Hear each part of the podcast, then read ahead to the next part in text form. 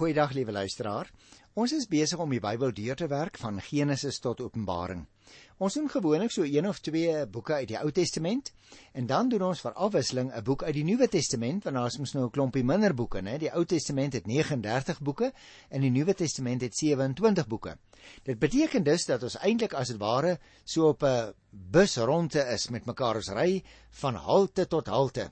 As jy dus vandag vir die eerste keer inskakel, het jy eintlik nie iets verloor nie, hoor want uh, ons so die Here wil gaan voort tot aan die einde van Openbaring en dan wil ons weer graag as die Here ons spaar en die wederkoms dit nie plase vind nie weer begin by Genesis 1.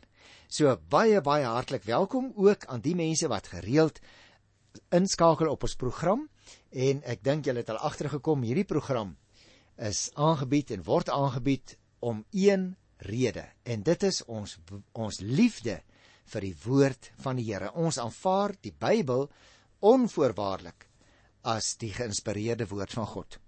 Nou ja, goed, ons is besig met die boek Galasiërs.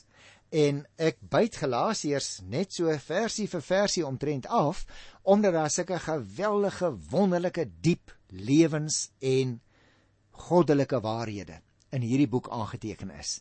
Julle sal onthou ek het die afgelope tyd, die afgelope 3 programme een program gewy aan elkeen van drie belangrike waarhede. Hoofstuk 3 vers 21 tot 29 het gehandel oor moenie meer slawe wees nie, maar leef as 'n kind van God. Hoofstuk 4 vers 1 tot 7. Jy is een van God se erfgename. Hoofstuk 4 vers 8 tot 13 het gehandel oor hou op om soos 'n slaaf te lewe man. Jy's mos nou 'n kind. En nou kom ons by 'n vierde groot waarheid hier in Galasiërs 4 vers 14 tot 20. Laat Christus in julle gestalte kry. Nou dit is natuurlik 'n geweldig belangrike saak, liewe luisteraar, en ons gaan weer eens, soos by die vorige kere, in diepte met mekaar daaroor gesels. So kom ek begin dadelik met vers 14. En al was my toestand vir julle versoeking om my te verag en selfs te verfoei, het julle dit nie gedoen nie. Inteendeel, julle het my ontvang asof ek 'n engel van God was. Ja, asof ek Christus Jesus self was.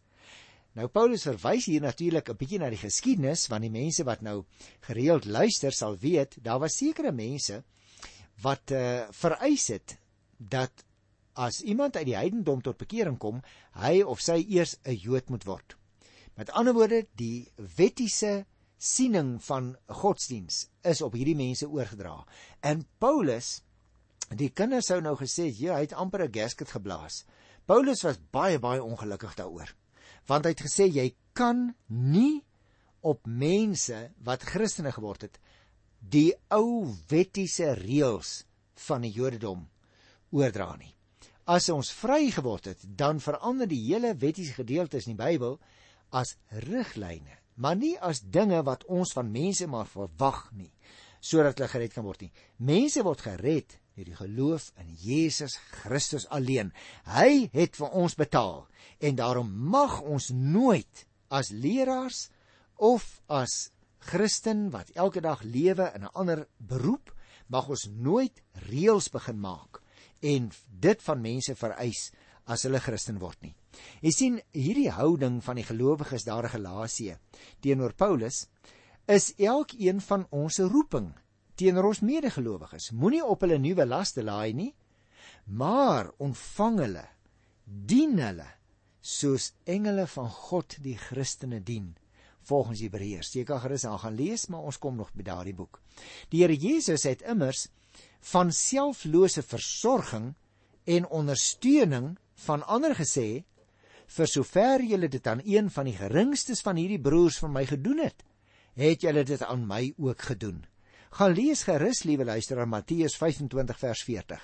Met ander woorde, ook vir Paulus is die voorbeeld wat hy navolg die van die Here Jesus Christus. Dit is natuurlik die hoogste voorbeeld wat enige Christusgelowige kan navolg. En dit is wat Paulus gedoen het, hoor. 'n Mens is ongelukkig van nature geneig om jou tyd eerder by suksesvolle mense deur te bring, né?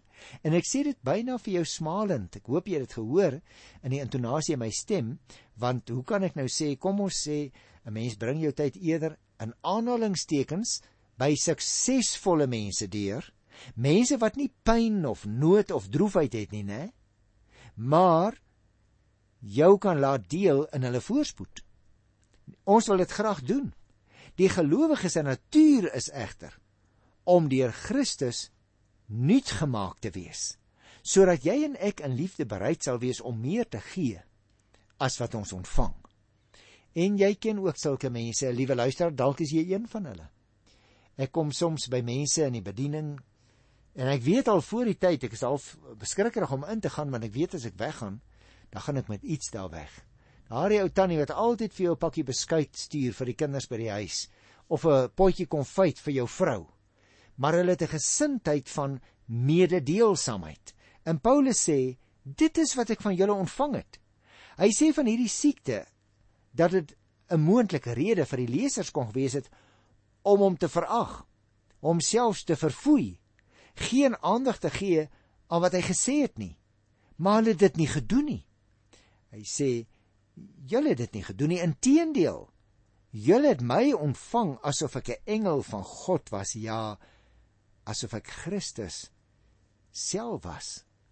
Jy sien luisteraar siekte en liggaamlike swakheid en teëspoed is deur die Jode, maar natuurlik ook veral deur die nie-Jode as 'n straf van God beskou. Gaan kyk maar aan Handelinge 28 by die 4de vers en sal jy so verwysing kry. Maar in plaas daarvan dat hulle destyds die rug op Paulus gedraai het, het hulle hom ontvang asof hy 'n engel van die Here is. So groot was hulle waardering van hom en hulle vertroue in hom in daardie tyd.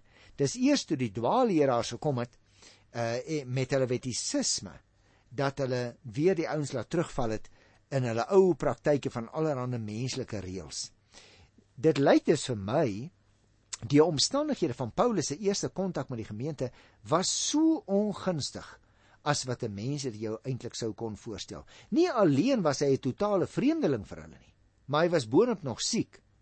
Nou in die antieke tye is daar soos ek nou net vir jou gesê het, is dit as 'n straf van die gode beskou. Daai gedagte luisteraar het op baie gelowiges oorgewaai, né? As baie mense wat as hulle vandag siek is, die eerste ding wat hulle vra is, wat het ek nou gedoen dat God my so straf? nee, liewe luisteraar. Wie jy die Here bring soms ook self sekere dinge oor ons om ons net weer tot orde te roep. Hy plaas ons in 'n toetslokaal soos vir ou Job. Dit is nie noodwendig altyd so nie. Dit kan natuurlik ook wees dat doodgewoon as gevolg van die algemene sonde wat uh, die natuur getref het en ook mense sê net maar soos verkoue dat 'n mens siek word. Maar jy moenie sommer elke siekte wat oor jou kom sien as 'n straf van God wat jou getref het nie. Luister by vers 15. Julle was so bly daaroor. Dit wil sê nou sê besoek, né? Wat het nou van julle blydskap geword? Dit kan ek van julle getuig. As dit moontlik was, sou julle julle oë uitgeruk en dit vir my gegee het. So hy sê, hulle was so goed. Julle was so goed vir my die heel eerste keer. Daarna ongelukkig as gevolg van die dwaalleraars het julle nou 'n uh, bietjie vies my geword en dit sonder grond want ek was nie aan iets aandadig om julle vies te maak nie. Paulus het dus nou agtergekom dat die Galasiërs nie meer soos vroeër oorgeloop het van blydskap oor hulle verlossing nie, nê. 'n Wettiese instelling, luisteraar, maak 'n mens altyd swaarmoedig hoor want jy kan nie daardie wette nakom nie. Ek wil vir jou 'n paar redes noem en vir jou vra Dink 'n bietjie hieroor na, is dit nie dalk goed waarmee jy besig is in jou lewe uh wat eintlik baie wetties is. En nou raak jy swaarmoedig en pessimisties oor nie. As dit so is dat jy as dit ware onder die wet lewe. My 1. Dan besef jy hoeveel op die spel is en hoe ver jy tekort skiet. En dan begin jy met skuldige gewete rondloop. Dan word jy negatief. 'n Tweede Jy haat jouself omdat jy so dikwels faal. En dit is luisteraar hoekom baie Christusgelowige nooit die vryheid van die evangelie ervaar nie. Want hulle is wetties. Hulle het 'n hele klomp goed op hulle self gelaai of deur ander mense op hulle laat laai. En nou toets hulle die egtheid van hulle Christendom aan daai klomp reëls. En dit maak hulle moedeloos want hulle slaag nie daarin nie. om dit te onderhou nie, hulle val aan mekaar 'n derde aspek. Die klem val al meer op jou gedrag en prestasies en nie op jou verhouding met die Here nie. Jy sien ons oog moet vol wees van die Here. Nie van wat ons bereik het nie. Nie van wat ons dink ons is omdat ons goed presteer nie, omdat ons hoog geleerd is nie. Nee, dit beteken alles niks. Want as ons op die dinge begin roem, gaan ons heeltemal moedeloos en negatief raak. Of laat ek jou nog 'n laaste aspek noem. Daar's nog baie ander, maar ek wil net vier noem. So vergeet 'n mens dat God jou syne gemaak het en dat hy sy gees in jou laat woon en dat jy deur God se genade al ver gevorder het. So jy sien liewe luisteraar, ek laat val elke keer die klem op wat die Here aan jou en aan my gedoen het dat hy ons in die vryheid gestel het. Dat sy seun vir ons betaal het. Want as ons nog wil probeer om dinge te doen sodat ons regverdig kan wees voor die Here, dan laai ons 'n geweldige verantwoordelikheid op ons want ons kan in elk geval nie daarin slaag nie. Moet dus nie met skuldgevoelens in selfs, ek wil selfs vir jou sê, naderhand met 'n skuldkompleks begin rondloop nie. Christus het in jou plek al jou en my skuld gedra? Moenie dit ook nog self probeer dra nie. Moenie op die reëls en regulasies van mense fokus nie. Fokus op jou verhouding met die Here. Nou in hierdie mense se geval vra hy dus met reg vir hulle. Hoekom het julle gesindheid nou teenoor my verander? Wie julle hoekom? Omdat ander mense vir julle gesê het julle moet nou begin reëls nakom. En nou slaag julle nie daarin om die reëls na te kom nie. En nou wil julle vir my vies wees. Hulle het sy koms eenmaal beskou as 'n groot voorreg wat hulle te beurt geval het. So groot was hulle ingenomenheid destyds met Paulus dat hulle selfs hulle oë sou uitgeruk het en dit vir hom gegee het. Nou ja, ek dink luisteraar Paulus skryf dit by wyse van spreuke. Ek dink nie hy bedoel regtig hulle sou hulle oë uitgeruk het nie. Hy bedoel om te sê hulle was baie ingenome teenoor my. Die beeld van die oogappel dis hierso dat dit naamlik van die kosbaarste besittings van die mens is, was eintlik baie wyd versprei in die antieke antieke wêreld en daarom gebruik Paulus hierdie beeld want hulle met hulle Griekse agtergrond verstaan ook die beeld en wat uh, Paulus daarmee bedoel. Kom ons gaan oor na die uh, 16de versie toe. Dis net so 'n interessante vers. Het ek dan nou julle vyand geword deurdat ek die waarheid aan julle voorhou? Wat is die waarheid, luisteraar? Dat jy gered word op grond van Christus se verdienste wat jy in die geloof aanvaar. Jy en ek moet onsself oefen, wil ek amper sê luisteraar, om nie kwaad te word wanneer iemand ons oor ons optrede kritiseer nie. Allermins moet ons toelaat dat ons verhouding met daardie persoon skibreek lê wanneer ons konsekwent doen wat die Here van ons verwag. As ons natuurlik tereggewys word of gekritiseer word omdat ons verkeerd doen, nie in lyn nie met die woord optree. Natuurlik moet hulle ons teregwys en dan moet ons versigtig wees om nie skerp te reageer en daai ou sommer net te beledig daar op die plek nie. In plaas daarvan om daardie persoon vyhandig van jou af weg te hou, gaan staan liewer saam met daai persoon voor die woord van die Here, liewe luisteraar. As die kritiek geldig blyk te wees wat hy of sy uitoefen, bely jou skuld. Maak reg wat verkeerd is. Moenie kwaad wees daaroor nie, jy kan aan niks meer wen nie. Jy sien hierdie besondere verhouding van 'n goeie verhouding, die ontspanne situasie tussen Paulus en die Galasiërs het ongelukkig opgehou om te bestaan. En daarom Paulus kan geen ander rede hiervoor vind nie as dat hulle skynbaar nie langer begeer het om die waarheid van hom te hoor nie. Die waarheid is die evangelie waardeur die mens vrygemaak word van wettiese reëls waarop die Galasiërs nou weer wil terugval deurdat vals leraars hulle mislei. Nou ons het 'n paar keer al hieroor gepraat, maar ek merk op Paulus praat 'n paar keer daaroor. En daarom lyk dit vir jou vir my ook 'n baie ernstige waarskuwing. Die boodskap wat aan ons verkondig is, luisteraars, van redding en vryheid in Christus het nog nooit verander nie. In Johannes 8 by vers 36 staan daar met die gesag van die hemel geskrywe: Dis eers as die Seun julle vrygemaak het dat julle werklik vry kan wees. En wie wat liewe luisteraar, ek het al 'n vermoede dat dit daar ook mag gaan oor menslike reëls waarvan die Here ons soms moet vrymaak. Want ons volg so maklik 'n stuk tradisie en ons volg nie die vryheid, leef nie in die vryheid waarmee ons vrygemaak is nie. Nou stuit dieselfde evangelie by hierdie mense op weerstand of vyandigheid. Hoe is dit moontlik dat hulle nie meer die waarheid kan verdra nie en hulle vroeëre vriend Paulus nou as 'n vyand begin behandel? Hy's baie ontstel daaroor, dis duidelik. Daarom praat hy verskillende kere daaroor. Luister na vers 17. Daardie mense, nou daai mense na wie Paulus nou verwys is die ouens wat die las gelê het op die Christene. Hy sê daardie mense se ywer vir julle is nie met suiwer bedoelings nie. Hulle wil julle van my losmaak sodat julle julle vir hulle saak sal beywer. Met ander woorde Paulus sê, hoor die mense, dis my baie baie duidelik. Hulle wil julle eintlik met 'n slapriem vang. Hulle wil vir julle in hulle greep kry sodat hulle nie meer lojaliteit en liefde teenoor my kan betoon nie. En julle moet ophou daarmee. Dis nie goed dat julle dit doen nie.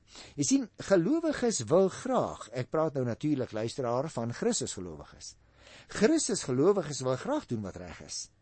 En daarom kan ons baie maklik die prooi word van mense wat lyk asof hulle hulle self vir die waarheid beywer. Iemand is nie reg omdat hy ywerig is of dinamies of doelgerig is nie, maar eers wanneer die inhoud van wat so 'n persoon leer ooreenkom met die Bybel nie waar nie? Om te verhoed dat mense jou misbruik luisteraar jou in hulle kar laai en jou meeneem op hulle pad moet jy sorg dat jy die Bybel ken. Dat jy 'n nuwe leer daaraan moet kan toets want die Bybel is mos ons maatstaf en dat jy betroubare wyse vriende het by wie jy jou eie gevoelens kan gaan toets aan die eis van die Here se woord as jy self nie genoeg kennis het nie. Daarom praat Paulus so min agten van hulle as daardie mense wat ywer het met die lesers van sy brief, maar hulle daardie ywer nie met suiwer bedoelings nie. Kom ons kyk na die 18de vers. Om jou vir 'n goeie saak te beywer is goed. Maar dan moet dit altyd die geval wees. En let op, en nie net as ek by julle is nie. Luisteraar, wie ek kry dit gelukkig nie dikwels nie, maar soms nog by mense. Uh omdat ek 'n voltydse gemeenteleraar is, ek is bevoorreg om hierdie program aan te bied, maar eintlik is ek 'n voltydse gemeenteleraar. Nou as die dominee by daardie ouens kom, dan uh dadelik tree hulle 'n bietjie anders op. Ek kom eendag by iemand wat uh, besig was om 'n bietjie wyn te drink. En uh, nou ja, ek het natuurlik 'n Boerlandse agtergrond. Ek is gebore en groot geword in die Parel. Ek het op Stellenbosch studeer. So wyn is nou nie vir my iets vreemds nie, maar die lidmaat voel toe dat as die dominee nou kom, dan is dit beter as hy uh, die glas wyn nou liewer so stadig, so stadig agter om die bank skuif, hy liewer agter die bank staan. Maar dit help tog nou nie, liewe luisteraar want uh, wyn is nie op sigself verkeerd nie. Ons moet oppas dat ons anders optree voor mense. En ons moet ook oppas dat ander mense se persepsies en tradisies en gebruike wat miskien nie eers die toets van die skrif slaag nie, dat dit op ons afgedruk moet word. Nou sê Paulus presies dieselfde. Uh hy kan verstaan dat hulle nou in die struik geval het dat uh, hulle doen wat ander mense wil sê en hy hou nie daarvan nie maar hy sê dit moenie by julle die geval wees dat julle julle beywer vir goed wat nie reg is nie jy sien luisteraar gesonde ywer deur die gemeente is natuurlik goed in sy brief aan die Korintiërs in 2 Korintiërs 7 vers 7 kry mense dit ook ywer vir die Here se saak of vir die gemeente byvoorbeeld is baie goed maar dit moet altyd in 'n goeie gees en sonder huigelary geskied. Nie nou vir hierdie saak, dan weer vir die presies teenoorgestelde saak nie. Die enigste goeie saak is natuurlik die evangelie. En daarvoor moet 'n mens jou ononderbroke beywer. Nie net in sekere persone se teenwoordigheid nie, Hy sê julle moenie net sekere dinge doen as ek daar is. Ander dinge los julle nou skielik as ek op die toneel verskyn nie. Julle optrede moet konsekwent die wees van wat die Here van julle verwag. Dis my wonderlik, liewe luisteraar, hoe dat ek sien as Paulus nou oor die goed met hulle praat en hy wys dit vir hulle uit. Is hy nie vir hulle kwaad nie? En as 'n mens vers 19 lees, dan verander die trant van wat Paulus skrywe met eens. Hy sê: "My kinders, ek verkeer van voor af in geboortepyne oor julle totdat Christus in julle gestalte kry." Hy sê julle kan my bona fides aanvaar. Ek het net Christus op die oog. En daarom wil ek graag hê julle moet so ywerig wees vir die Here dat dit by julle moet wees soos iemand wat as dit ware geboortepyne kry. En daardie vrou kry swaar, maar sy het een ding op die oog en dit is dat die babatjie nou gebore moet word. Paulus sê dit is amper hoe ek oor julle voel. Ek wil hê dat die ywer vir Christus in julle gesien moet word. Dis natuurlik waar, liewe luisteraar, 'n mens kan nie iemand geestelik versorg sonder om intens by daardie persoon betrokke te raak en 'n werklike besorgdheid vir daai persoon te ervaar nie. Mag ek vir jou vra? Is jy geestelik by iemand anders betrokke? Jy sien ons kan op baie maniere betrokke wees by mense. Maar ons is nie altyd geestelik by hulle betrokke nie. Die beeld wat Paulus is hier gebruik om sy betrokkeheid te beskryf, is 'n aangrypende beeld in hierdie verband. 'n Ma wat geboorte ervaar, kry swaar maar sy verduur dit want sy weet dat sy spoedig haar babatjie in haar arms gaan hou. Die volle vreugde gaan ervaar wat die Here vir haar ook in hierdie verband wil gee. En hierdie selfe intense betrokkenheid sê Paulus, moet jy en ek hê by mense aan wie ons die evangelie bedien. Die swaar van teleurstelling sal dan wel baie swaarder wees, maar die uiteindelike vreugde wanneer daardie geestelike babietjie geestelike volwassenheid bereik. O, oh, dit sal soveel groter wees. Jy sal vir jouself sê, dit was nie verspilde tyd wat ek spandeer het om daardie persoon by die Here Jesus Christus uit te kry nie. En daarom wil ek afsluit met die 20ste vers want dit is net so 'n sterk baie baie opregte wens van die apostel. Hy sê: Ek wens ek kon nou by julle wees en op 'n ander toon met julle praat. Ek is werklik besorg oor julle. Liewe luisteraar, het jy ook al groot kinders met wie jy oor die telefoon praat? En veral as hulle ver is of in 'n ander land is. Jy luister na jou kind se stem, want jy ken jou stem, jou kind se stem goed of jy lees 'n brief wat hy of sy skrywe. Sonder dat hy of sy dit sê, is dit asof daar vibrasies is tussen die reëls. En jy sê vir jouself maar maar ek dink nie dit gaan goed met my kind nou nie. Ek hoor nie klank van die stem. Ek sien tussen die reëls sonder dat dit daar staan. En dit is die gevoel wat ons hier kry. Paulus sê ek wens ek kon nou by julle wees. En op 'n ander toon met julle praat. Ek is werklik besorg oor julle en dit is dan die rede hoekom hy hulle aangetree het. Hoekom hy hulle berisp het in die voorafgaande gedeeltes in sy brief, want hy is bekommerd oor hulle godsdienstige toestand, want hulle begin dinge byvoeg by die saligheid wat alleen by Christus te vind is, deurdat hulle dink hulle moet nog iets ekstra doen. En dit is nie wat die Bybel sê nie. Kom ek vat saam. Veral in hierdie 20ste vers, liewe luisteraar, sien ons die pynlike situasie waarin daar 'n nuwe lewe ingebore moet word. Paulus sou graag so sê hy by hulle wou wees. As hulle weer hierdie ou mensgemaakte goed wat hulle op hulle self neem het afgooi. Hy sê ek sal persoonlik met julle wou praat. Nou as 'n mens in die Griekse taal gaan kyk waar in die Nuwe Testament geskrywe is, dan lyk dit in die Grieks asof hierdie begeerte van hom nie gou vervul sou word nie. Ons weet nie regtig waarom nie. Miskien was die afstand te groot om die verpligtinge waarmee hy op daardie stadium in sy lewe besig was tydelik te los en na die ouens te gaan daar Galasiërs. Hy verwag in elk geval meer deur persoonlike kontak met hulle.